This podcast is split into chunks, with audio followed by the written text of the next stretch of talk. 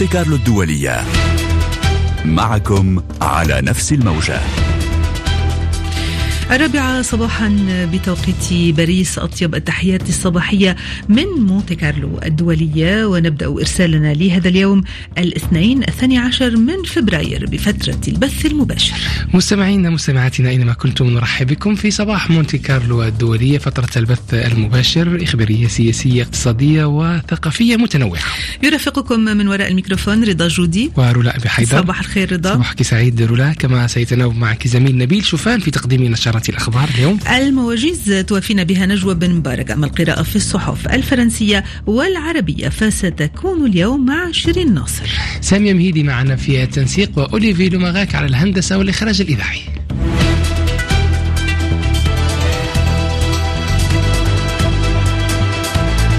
ونفتتح آه، صباح مونتي كارلو الدولية بأولى نشراتنا الإخبارية المفصلة معك رولا. وفي أبرز عناوينها قصف إسرائيلي عنيف على رفح دعوات دولية لحماية السكان وتحذيرات من الهجوم على المدينة. العراق يعلن استئناف المحادثات مع واشنطن بشأن مستقبل التحالف الدولي. تنديد بتصريحات لترامب يهدد فيها بتشجيع روسيا على مهاجمة دول الناتو المتخلفة عن سداد التزاماتها المالية. الكوديفوار تتوج بكأس الأمم الأفريقية. مونتي كارلو الدولية نشرة الأخبار. التفاصيل عشرات الغارات العنيفة وقصف مدفعي طال شمال وشرق وغرب رفح. غارات إسرائيلية استهدفت فجر اليوم عشرات المنازل وعدد من المساجد وسط مخيم رفح المكتظ بمئات ألاف النازحين ما أدى إلى سقوط خمسين قتيلا على الأقل بحسب وزارة الصحة في القطاع من غزة عادل زعنون. أحزمة نارية في المناطق الشمالية والشرقية والجنوبية في رفح ترافقت مع قصف مدفعي مكثف وعنيف في كل الاتجاهات وقصف من الزوارق الحربية على المنطقة الغربية في رفح ذاتها. تقول وزارة الصحة إن عشرات الضحايا والمصابين غالبيتهم من الأطفال والنساء نقلوا إلى المستشفيات المحلية في رفح والدبابات تقدمت قرب الحدود الشرقية مع إسرائيل ومن الناحية الشمالية قرب خان يونس فيما بدا جزءا من العملية العسكرية البرية التي توعد بها الجيش الإسرائيلي. الإعلام الحكومي في إعلان أولي قال إن عشرات المنازل وعدد من المساجد الكبرى في مخيم ومدينة رفح استهدفت من الطيران الحربي في رفح رفح المكتظة بمئات آلاف النازحين في وقت دارت معارك ضارية في خان يونس وأصوات الانفجارات لا تهدأ. مقاتلون من القسام فجروا منزلا كانت تتحصن فيه وحدة عسكرية إسرائيلية ما أدى إلى مقتلهم وإصابتهم جميعا وفق معلومات أولية تقول مصادر القسام. عادل زعنو غزة. مونتي كارلو الدولية. وإسرائيل أعلنت منذ قليل أنها حررت راهنتين خلال قصفها لرفح. حركة حماس كانت حذرت من أن عملية عسكرية إسرائيلية في رفح بأقصى جنوب غزة ستقوض احتمال إطلاق الرهائن المحتجزين في القطاع. من جهته حض الرئيس الأمريكي جو بايدن رئيس الوزراء الإسرائيلي بنيامين نتنياهو على عدم شن عملية عسكرية برية في رفح من دون خطة ذات صدقية. وقابلة للتنفيذ لحماية المدنيين بحسب تعبيره في حين تحذر دول عدة ومن ضمنها فرنسا من كارثة إنسانية إذا شن الهجوم على هذه المدينة المكتظة. عدنان أبو حسن المستشار الإعلامي لوكالة الأونروا. وفي حديث لمونتي كارلو الدولية تخوف من حمام دم في حال دخول القوات الإسرائيلية إلى المدينة. نستمع إليه متحدثا لنضال الشقير. بالتأكيد رفح الآن تحتضن حوالي مليون ونصف المليون فلسطيني أي حوالي 70% من سكان قطاع غزة موجودون في مدينة رفح. أي دخول إسرائيلي يعني حمام من الدماء. الأوضاع هي كارثية لا مكان يذهب إليه النازحون الإسرائيليون طلبوا منهم من شمال غزة ومن مدينة غزة الذهاب إلى الجنوب والآن يطالبون من سكان الجنوب بترك أماكنهم. نحن لا نعرف إلى أين يمكن أن يتجهوا بالتأكيد الدخول الإسرائيلي البري. سيكون له نتائج كارثية كبرى على المستوى حتى الأمن الإقليمي. هذه المدينة وهذه الأعداد الهائلة من البشر تقع على الحدود المصرية الفلسطينية وأي دخول من شأنه إلى أن يؤدي إلى نتائج خطيرة على كافة المستويات. عدنان أبو حسن المستشار الإعلامي لوكالة الانروا مصر حذرت بدورها من عواقب وخيمة لهجوم عسكري إسرائيلي محتمل على رفح حيث يحتشد أكثر من مليون وخمسمائة ألف فلسطيني وتشكل رفح الواقعه على حدود مصر الملاذ الأخير للفلسطينيين الفارين من القصف الإسرائيلي. هذا وقال متحدث باسم وزارة الخارجية الألمانية. إن الوزيرة أنالينا بيربوك ستتوجه إلى إسرائيل هذا الأسبوع في زيارة قالت إنها تستهدف حث إسرائيل على وقف إطلاق النار. وبخصوص التصعيد في البحر الأحمر أعلنت الولايات المتحدة أنها نفذت ضربات جديدة استهدفت أسلحة للحوثيين في اليمن كانت بحسب واشنطن معدة لمهاجمة سفن في البحر الأحمر. عراقيا أعلنت السلطات استئناف المفاوضات مع واشنطن بشأن مستقبل التحالف الدولي لمكافحة تنظيم الدولة الإسلامية مؤكدة أنها ستتم بصورة دورية بهدف إتمامها بالسرعة الممكنة وذلك طالما لم يعكر صفو المحادثات شيء. نجوى بن مبارك.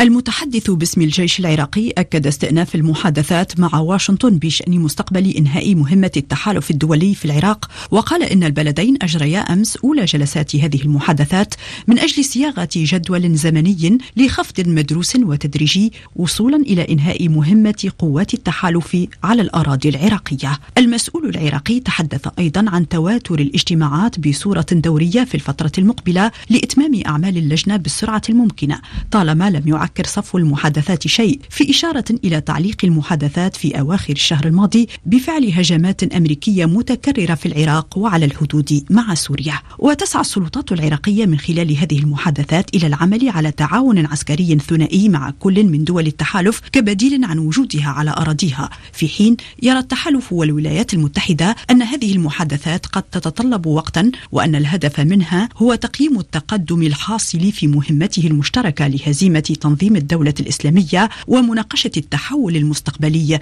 لهذه المهمة. يأتي هذا في وقت تواجه فيه الولايات المتحدة أزمة متصاعدة في الشرق الأوسط وتتعرض قواتها في العراق وسوريا لهجمات شبه يومية يشنها مسلحون مدعومون من إيران ردا على دعم واشنطن الثابت لإسرائيل. أنتم دائما في الاستماع إلى نشرة الرابعة صباحا من مونتي كارلو الدولية. عاصفة من الانتقادات أعقبت تصريحات الرئيس الأمريكي السابق دونالد ترامب قال فيها إنه قد يشجع روسيا على مهاجمة الدول الأعضاء في حلف شمال الأطلسي التي لا تفي بالتزاماتها المالية في حال عودته إلى البيت الأبيض. رئيس المجلس الأوروبي وصف التصريحات بالمتهورة فيما حذر أمين عام الحلف مما وصفه بتصريحات تقوض الأمن. نجوى أبو الحسن. أي إشارة إلى عدم دفاع الدول الحلفاء عن بعضها يقوض أمننا برمته هذا ما أعلنه بيان أصدره أمين عام الحلف الأطلسي ينس ستولتنبرغ في رد على قول دونالد ترامب إنه قد يذهب إلى حد تشجيع روسيا على مهاجمة دول الناتو التي تتخلف عن دفع مستحقاتها للحلف. ستولتنبرغ اعتبر أيضا أن تصريحات مرشح الجمهوريين المحتمل لرئاسة الولايات المتحدة يعرض حياة الجنود الأمريكيين والأوروبيين لخطر متزايد.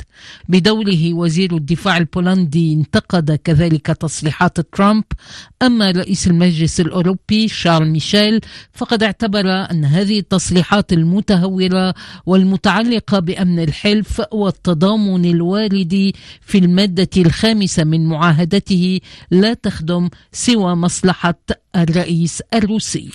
فاز رئيس الوزراء الفنلندي الأسبق المحافظ ألكسندر ستاب في الانتخابات الرئاسية على خصمه وزير الخارجية الأسبق بيكا هافيستو ليتولى منصبا اكتسب المزيد من الأهمية بعد انضمام البلاد إلى حلف الشمال الأطلسي وازدياد التوتر مع روسيا المجاورة على خلفية الحرب في أوكرانيا. أوكرانيا التي أعلنت أنها دمرت القسم الأكبر من طائرات هجومية بدون طيار أطلقتها روسيا ويبلغ عددها عددها 45 من دون الإبلاغ عن أضرار تذكر. جاء هذا غداة إعلان مقتل سبعة أشخاص بينهم ثلاثة أطفال في ضربات ليلية روسية بمسيرات استهدفت محطة وقود في مدينة خاركيف بشرقي أوكرانيا. في مقابلة نشرتها صحيفة ويست فرانس قال وزير الخارجية الفرنسي الجديد ستيفان سيجورني إنه سيعمل شخصيا على تحقيق التقارب بين فرنسا والمغرب بعدما شهدت العلاقات توترا في السنوات الأخيرة. نجوى أبو الحسن. وعد وزير الخارجية الفرنسية ستيفان سيجورني بعمل كل ما بوسعه للتقريب بين فرنسا والمغرب وذلك بطلب من الرئيس ماكرون نفسه كما أكد سيجورني لصحيفة ويست فرانس. سيجورني قال أيضا إنه باشر اتصالاته مع المسؤولين المغاربة منذ تسلمه لمنصبه كرئيس للدبلوماسية الفرنسية في الثاني عشر من كانون الثاني يناير. وتأتي هذه التصريحات بعد صدور إشارات إيجابية من البلدين من بينها تعيين سفيرة مغربية في فرنسا بعد أشهر من الشغور وذلك إثر توترات بعضها مرتبط بموقف باريس من الصحراء الغربية. لكن إعلان سفير فرنسا لدى المغرب عن دعم بلاده لمقترح الحكم الذاتي تحت السيادة المغربية وأيضا عن رفع جميع القيود المفروضة على التأشيرة للمغاربة أسهم إلى حد كبير بكسر الجليد. أعلنت شركة ميتا الأمريكية وسامبلون وهو مركز تدريب فرنسي متخصص في التكنولوجيا الرقمية شراكة لتوفير حلقات تعليمية حول الذكاء الاصطناعي للعامة على أن على أمل أن يستفيد منها حوالي 30 ألف شخص. اختتمت بالأمس الدورة الثانية من مهرجان الكتاب الإفريقي في مدينة مراكش وقفة مع ميشا خليل عند أبرز ما تميز به المهرجان. Vive l'Afrique, vive le Maroc. بهذه الكلمات أنهى الفيلسوف وعالم الاجتماع الفرنسي إدغار موغان كلمته في لقائه المنتظر مع الجمهور والذي كان أبرز محطة في المهرجان.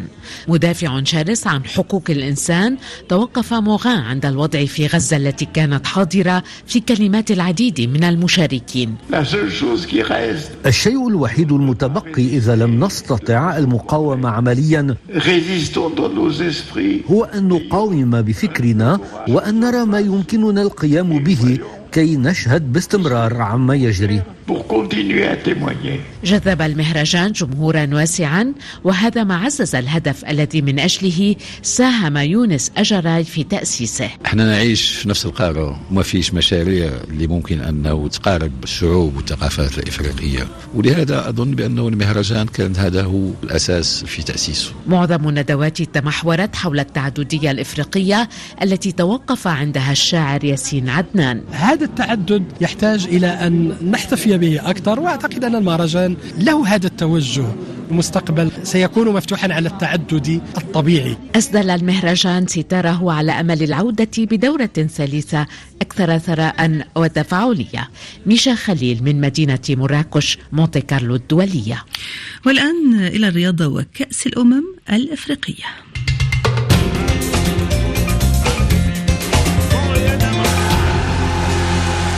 فازت الأفيال على أرضها وأمام جمهورها في أبيجان على النسور النيجيرية بهدفين لهدف لتحرز اللقب القاري للمرة الثالثة في تاريخها. موفدنا إلى البطولة ياسر بوسعدية.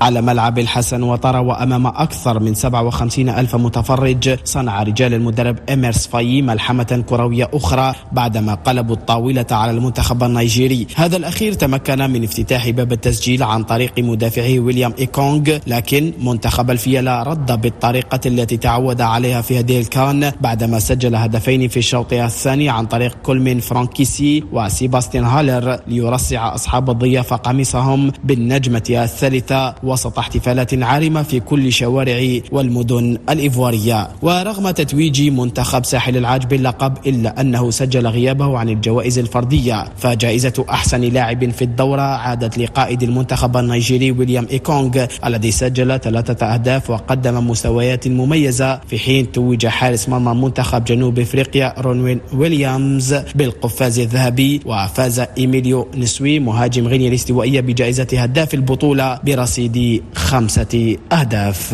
ياسر بوسعدية أبيجون مونتي كارلو الدولية. وبالطبع خيبة أمل في نيجيريا عقب خسارة